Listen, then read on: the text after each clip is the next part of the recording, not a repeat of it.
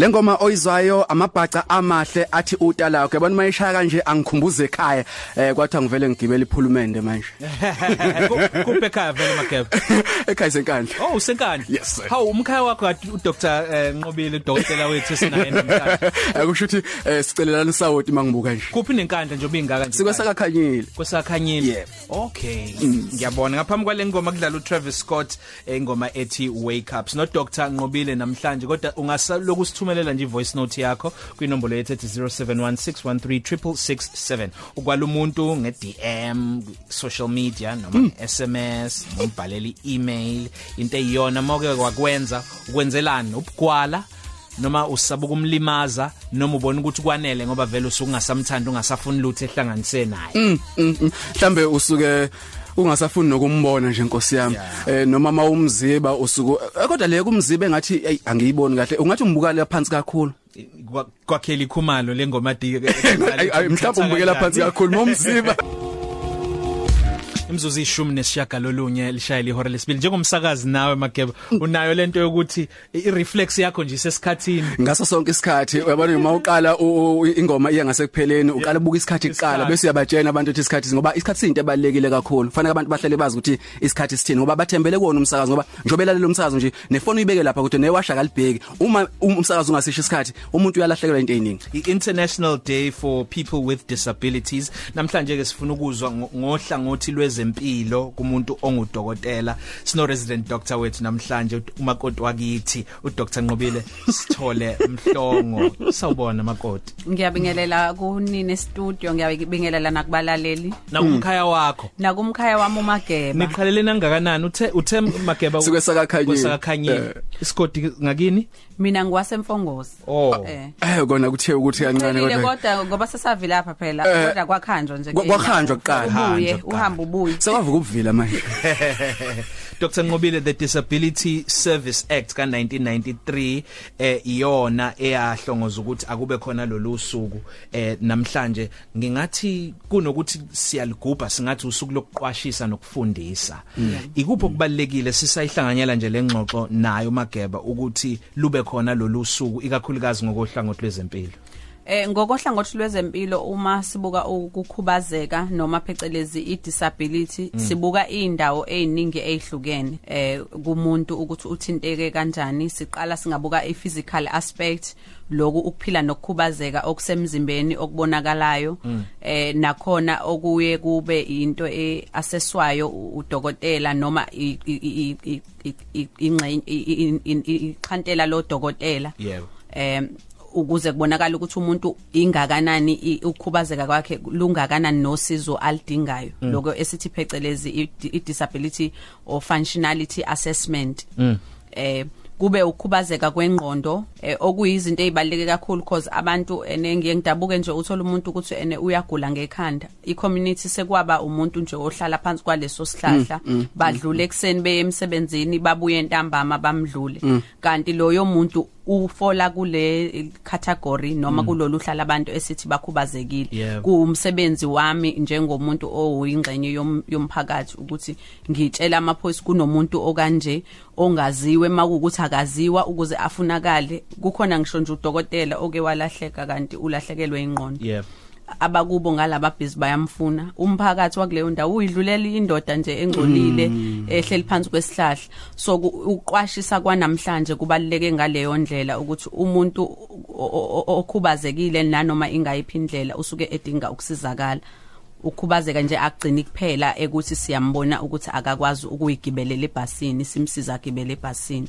Eh dokotela noma singeze ukubheka mhlambe eh, ukukhubazeka okukodwa okuspecific mhlambe si u- ngokwe ngakunina njenga ngokwa medical abantu abakhubazekile uma befika kunina. N- niyabalungiselela indlela ukuthi nikwazi kuba noma mhlawumbe kwesinye isikhathi kuba khona itebhisi kwesinye isikhathi kube khona ingathotha ama lift awasebenzi? Kunenye nje imole engengikwazi ukisho en- ehlezi nama lift angasebenzi. Okunzima kabi kabi kabi kuya kuyona.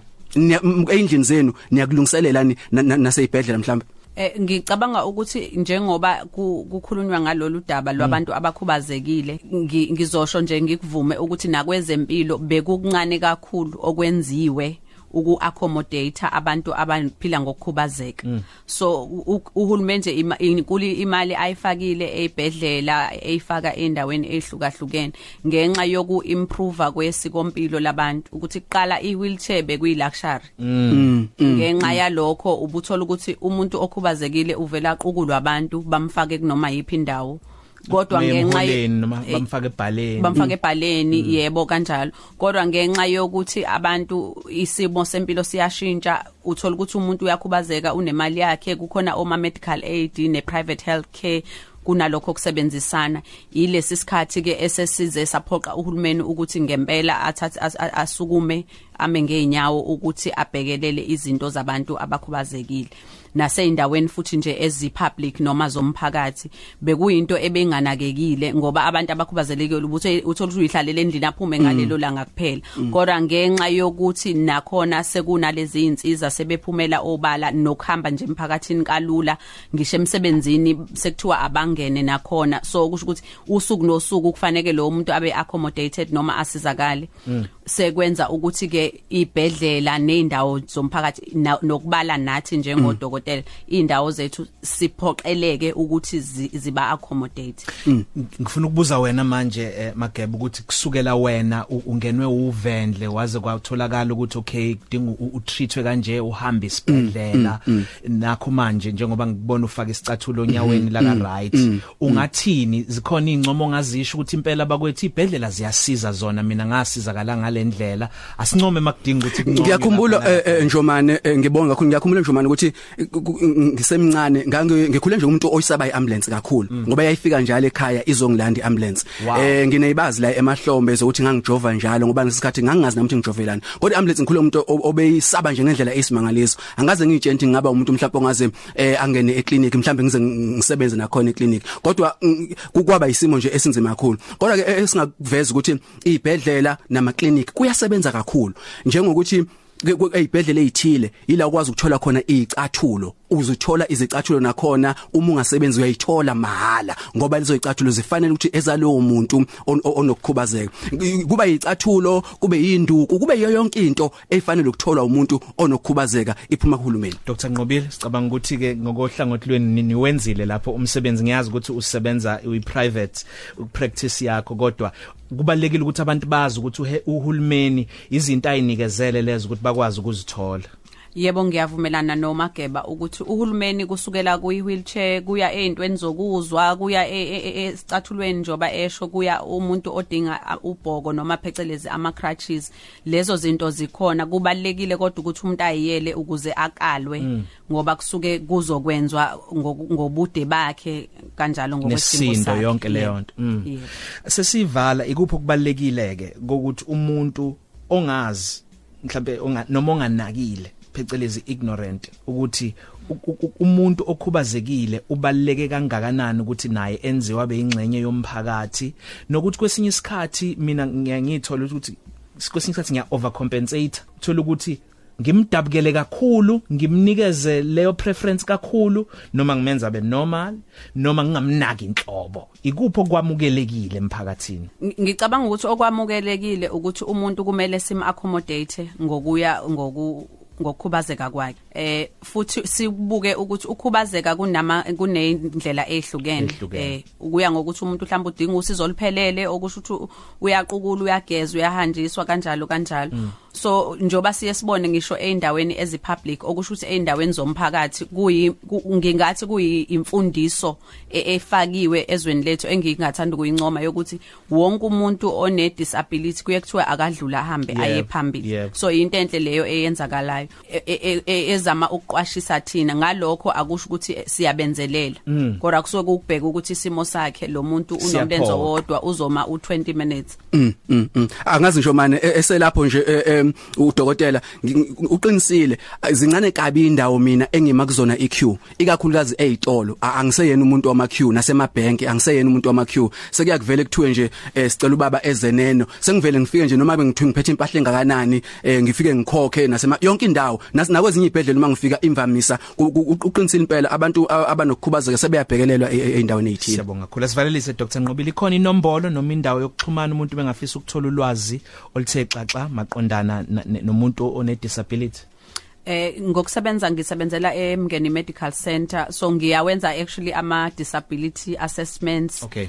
Oh all right. Phelela lapha Insta Instagram? Eh on Instagram or i-social media ngikhona ku Instagram Facebook and Twitter @drnqobile SA Um- umlaleli angangilandela ang DM or ange angenzele i-inbox ku Messenger eh abuze noma imupho umbuzo ophathelene nesihloko sethu sanamhlanje. Akashonga uproducer kodwa ngicabanga ukuthi ngoba ufika kanye ngenyanga eh, asivalelise sithi Merry Christmas and Happy New Year Wow sekukhisimuzi Sekunjalo, eh ngiya kithini? yes ngimfisela nomlaleli ekhaya ukhisimuzi omuhle nakunina basakazi bokhozi FM nama producers nibe nesikhathi esimnandi sesolindela nemndenini ikhekhe ngoba wasijwayela Positive Cafe. Ilunch yakho ayifani neyizolo.